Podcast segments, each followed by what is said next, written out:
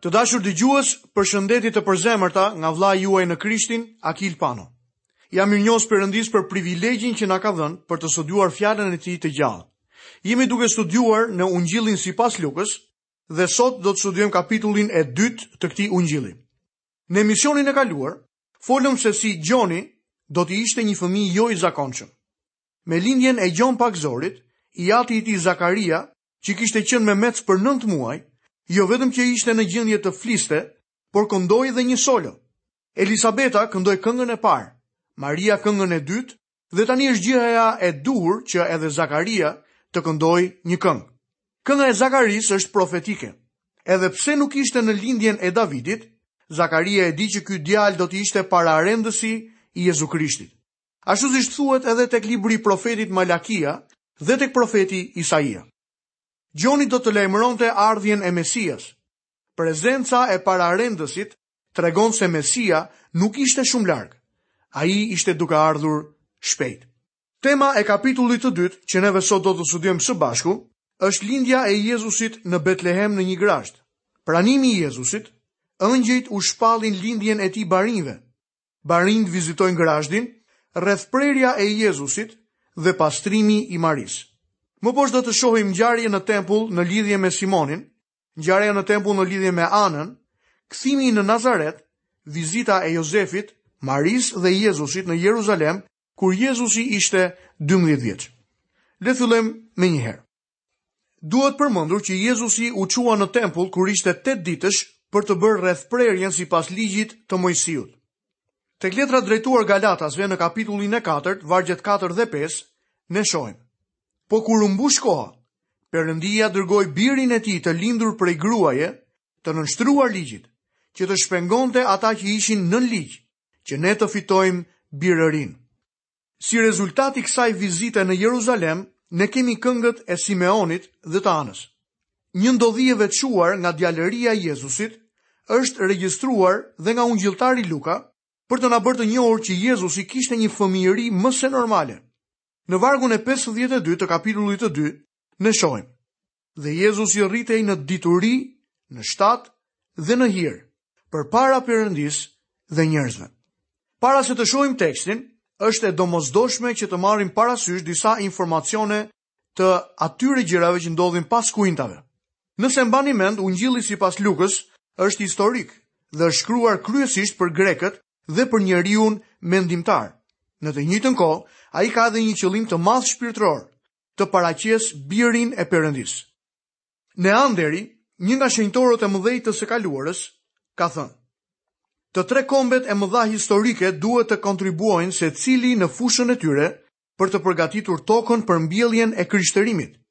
Judenjtë nga ana e elementit fetar grekët nga ana e shkencës dhe artit dhe romakët si padronët e botës nga ana e elementit politik.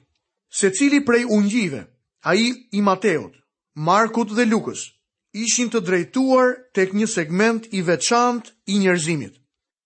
Ungjilli sipas Mateut u shkrua për hebrenjtë, i Markut për romakët dhe ungjilli sipas Lukës për grekët. Doktor Gregory shkroi, Grekët dallohen qartë nga racat e tjera të mëdha historike për shkak të disa karakteristikave të veçanta. Ata ishin përfaqësuesit e mendjes dhe humanizmit në botën antike.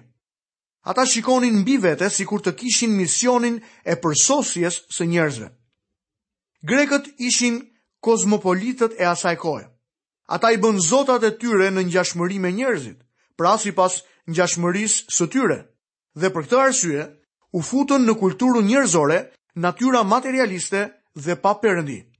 Apostulli Pal ishte personi i duhur që duhet të shkonte në Athinë për të ndriçuar mendjet e grekëve për altarin e tyre të titulluar Zotit të panjohur. Ungjilltari Luka, një pagan, ishte në këtë udhëtim së bashku me apostullin Pal. Misioni i grekëve në këtë mënyrë ishte një pjesë e përgatitjes së ardhjes së Zotit Jezu Krisht në botë. e detyroi njeriun mendimtar të asaj kohe të ndiente dhe të pohonte pamjaftueshmërinë e arsyes njerëzore, madje edhe në zhvillimin e tij më të përsosur, për çlirimin dhe përsosmërinë e njerëzimit. Kjo gjë i la ata të prisnin dhe të kërkonin për një person që mund ta përmbushte këtë mision. Gjuha greke u bë një mjet për nxjerrjen e fjalës së Zotit. Ungjilli iu komunikua botës në gjuhën greke. Perëndia përdori Aleksandrin e Madh për ta bërë të mundur. Për Aleksandrin e Madh është shkruar. Ai mblodhi rrjetat e qytetërimit që ndodheshin të çrregullta në buzë të bregdetit aziatik dhe i shpërndau mbi të gjitha vendet që përshkoi gjatë fushatave të tij të mrekullueshme. Lindja dhe Perëndimi krejt papritur u pajtuan. Tributë e ndara tashmë ishin të bashkuara nën një qeveri të zakonshme. U ndërtuan qytete të reja si qendra të jetës politike. U hapën rrugë të reja komunikimi, si kanalet e aktivitetit tregtar. Kultura e re penetroi vargmalet e Pisidisë dhe Liakonisë. Tigri dhe Eufrati u bënë lumenj grekë. Gjuha e athinasve dëgjohej midis kolonive hebreje në Babiloni. dhe një Babiloni e Greqisë së lashtë u ndërtua nga sundimtari në Egjipt dhe e quajti me emrin e tij. Ai qytet ishte Aleksandria dhe e mbart këtë emër edhe sot e kësaj dite. Mbani mend këtë sfond në mendjen tuaj ndërkohë që neve do të shohim lindjen e shpëtimtarit të botës, Zotit Jezu Krisht. Le të fillojmë leximin tonë për të parë lindjen e Jezusit në Betlehem në një grazhd. Do të lexojmë në kapitullin e dytë të Ungjillit sipas Lukës, vargun e parë dhe të dytë. Tani në atë ditë u shpall një dekret nga ana e Çezar Augustit për të kryer regjistrimin e popullsisë së gjithë perandorisë. Ky regjistrim qe i pari që u krye kur Kuirini ishte guvernatori i Sirisë. Kur ne lexojmë frazën për të kryer regjistrimin e popullsisë së botës, dikush mund të mendojë që Perandoria Romake do të regjistronte edhe Shtetet e Bashkuara të Amerikës gjithashtu. Fjala greke e përdorur për botën është fjala oikumene, e cila do të thotë banorët e tokës, dhe i referohet botës së civilizuar të asaj dite. Stërgjyshërit e mi të pacivilizuar në Evropën e Veriut në atë kohë, nuk përfshiheshin në këtë regjistrim, edhe pse Çezar Augusti do të kishte dashur të regjistronte të gjithë njerëzit nëse do t'i kishte fituar. Mirëpo kush ishte Çezar Augusti? Çezar Augusti ishte djali i adoptuar i Jul Çezarit. Në fakt emri i tij ishte Oktavianus dhe mori emrin Çezar. Mendoj se kishte të drejtën për të bërë diçka të tillë. Emri August nuk ishte aspak emër, por një titull. Kur Senati i paraqiti atij disa tituj si mbret, perandor dhe diktator, ai nuk ngeli i kënaqur. Në vend të tyre ai zgjodhi titullin August. Ky kishte një kuptim fetar dhe ishte një përpjekje për të hyjnizuar vetveten. Nuk është rastësi që ungjilltari Luka përmend emrin e Çezar Augustit.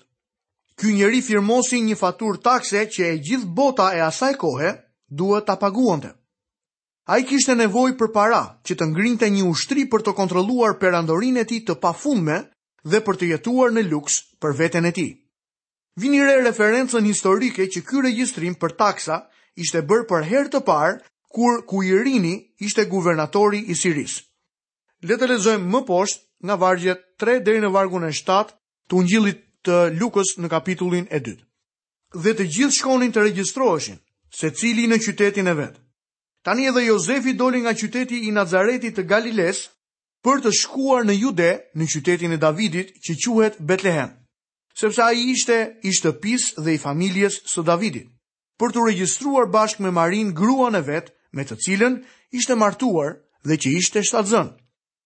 Kështu ndërsa ishin atje, asaj i erdhi koha të lindë. Edhe ajo lindi djalin e saj të parëlindur, e mbështolli me pelena dhe e vendosi në një grazhd, sepse në han nuk kishte vend për ta. Jozefi dhe Maria dolën nga qyteti i Nazaretit të Galilesë për të shkuar në Jude, në Betlehem, në qytetin e Davidit. Jozefi e bëri këtë sepse ishte nga shtëpia dhe prejardhja e Davidit. Por pse duhet të shkonte Maria në Betlehem? Sepse edhe ajo ishte nga prejardhja e Davidit. Jam i tronditur kur lexoj këtë pasazh të thjeshtë dhe të saktë historikisht, prapa të cilit qëndron e vërteta shpirtërore e jashtëzakonshme. Ndërsa shohim Çezar Augustin i cili përpiqej që ta shndërronte veten e tij në Perëndi, shohim që ai donte që të adhurohej me çdo kusht. Kjo është arsyeja që firmosi një afishe ku thuajse çdo burrë dhe çdo grua, fshatar që jetoni në Nazaret, duhet të shkoni në Betlehem për t'u regjistruar.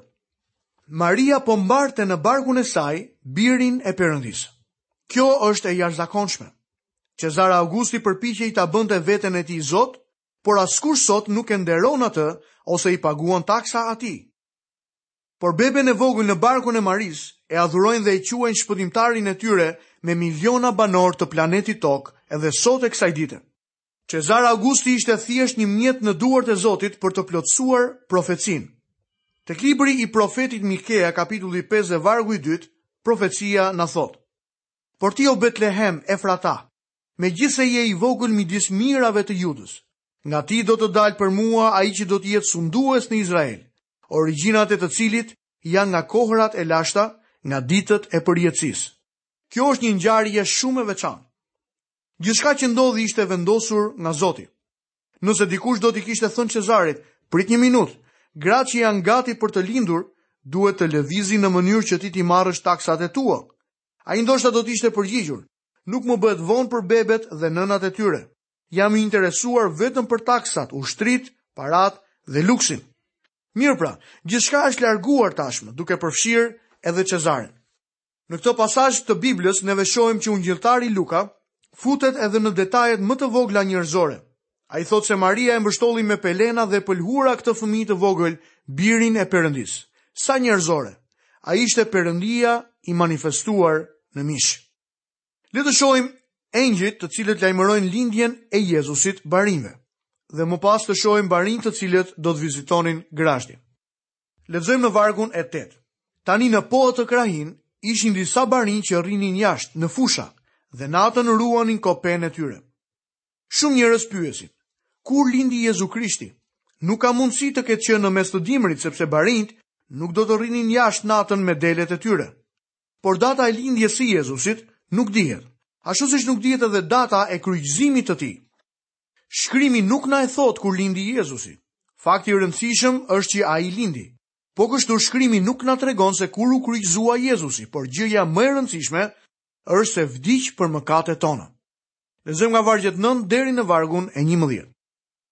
Dhe ja, një ëngjëll i Zotit iu paraqit atyre dhe lavdia e Zotit shkëlqeu rreth tyre dhe ata i zuri një frikë e madhe.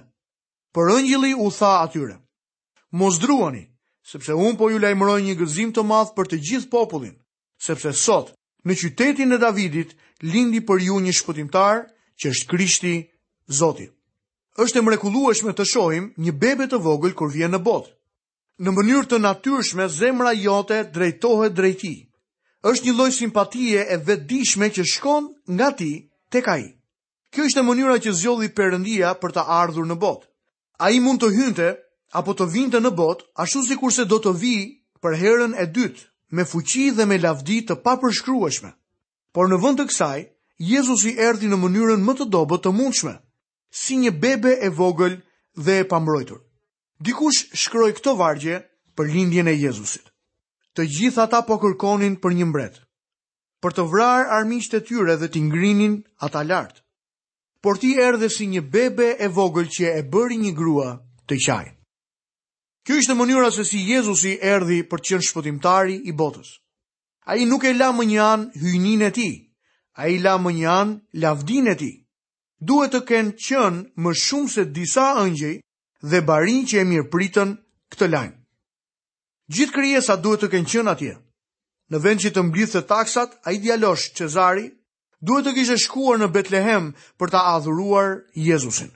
Jezu Krishti mund ta kishte detyruar që perandori më i madh i botës ta bënte këtë, por ai nuk zgjodhi ta bëjë. Përkundrazi, nuk la më një anë hyjninë e tij, por privilegjet e hyjnisë së tij. Ai erdhi si një bebe e vogël. Shikojmë vargun e 12 në Ungjillin sipas Lukës të kapitullit të dytë. Dhe kjo do t'ju vlejë si shenjë. Ju do të gjeni një fëmijë të mbështjellë me pelena, të shtrirë në një grazhd. Përsëri Luka thekson anën njerëzore të Jezusit. Jezusi erdhi në botë si një qenie njerëzore. Ai ishte i prekur nga ndjenjat e dobësisë sonë. Perëndia e njeh njeriun. Ai të njeh ty dhe mua. Ai na kupton ne sepse ai erdhi në këtë botë si një qenie njerëzore. Kjo do të thotë se ne mund të dimë diçka për Zotin, sepse ai mori mbi veten e tij njerëzoren tonë. Lexojmë vargjet 13 dhe 14. Dhe menjëherë engjëllit iu bashkua një shumicë e ushtrisë qiellore që lëvdonte Perëndinë, duke thënë, lavdi Perëndisë në vendet më të larta dhe paqe mbi tokë njerëzve mbi të cilët qëndron mirëdashja e tij. Versioni ynë i autorizuar këtu ndoshta mund të japë përshtypjen e gabuar. Engjëjt nuk thanë paqe mbi tokë njerëzve mbi të cilët qëndron mirëdashja e Tij. Ata thjesht thanë paqe njerëzve me vullnet të mirë ose paqe midis njerëzve me të cilët Jezusi, Zoti, është i kënaqur.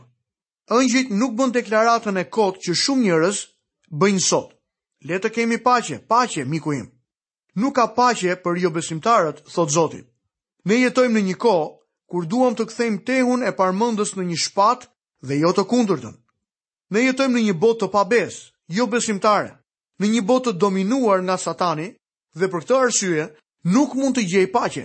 Megjithatë, ka paqe tek njerëzit me vullnet të mirë. Nëse ti je një nga ata të cilët kanë ardhur tek Jezu Krishti dhe e kanë pranuar Atë si Shpëtimtarin dhe Zotin e tyre, ti mund të kesh paqen e Perëndisë. Tek Letra drejtuar Romakëve kapitulli pesë dhe vargu i parë, apostulli Pal na shkruan: Të shfajësuar pra me anë të besimit, kemi paqe me Perëndinë nëpërmjet Jezu Krishtit, Zotit tonë. Kjo ishte paqja që solli Krishti kur erdhi për herë të parë dy mijë vjet më parë në planetin tonë. Në ardhjen e tij të dytë, Jezusi do të vijë si princi i paqes. Në atë kohë, ai do të ulë padrejtësinë dhe rebelimin në botë. Ai do të themelojë paqen mbi tokë. por për sa kohë nuk ka ardhur sërish, nuk do të ketë paqe në këtë botë. Lexojmë më poshtë vargjet 15 dhe 16. Dhe ndodhi që kur engjëjt u larguan prej tyre për t'u kthyer në qiell, barinjtë i thanë njëri-tjetrit: Le të shkojmë deri në Betlehem për të parë ç'ka ndodhur dhe ç'na bëri të ditur Zoti. Shkuan pra me nxitim dhe gjetën Marinë, Jozefin dhe fëmijën që ndodhej në një grazhd. Barinjtë nxituan për në Betlehem. Aty gjetën Marinë, Jozefin dhe Jezusin foshnjë. Ata ndoshta ishin të parët që e vizituan foshnjën, meqenëse Mateu na thotë se dijetarët erdhën më vonë.